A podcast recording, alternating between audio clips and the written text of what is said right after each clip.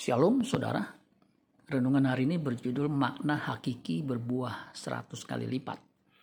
Matius 13 ayat 23. Yang ditaburkan di tanah yang baik ialah orang yang mendengar firman itu dan mengerti. Dan karena itu ia berbuah. Ada yang 100 kali lipat, ada yang 60 kali lipat, ada yang 30 kali lipat.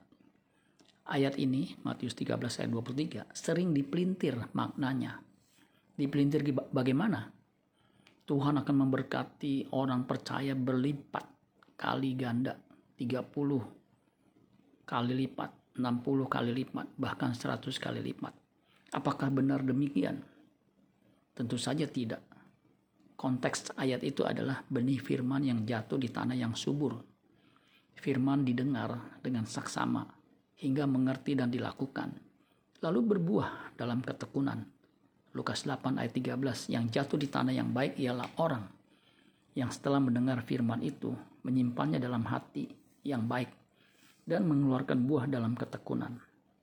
Berbuah berlipat kali ganda artinya ada produk yang dapat dinikmati oleh orang lain.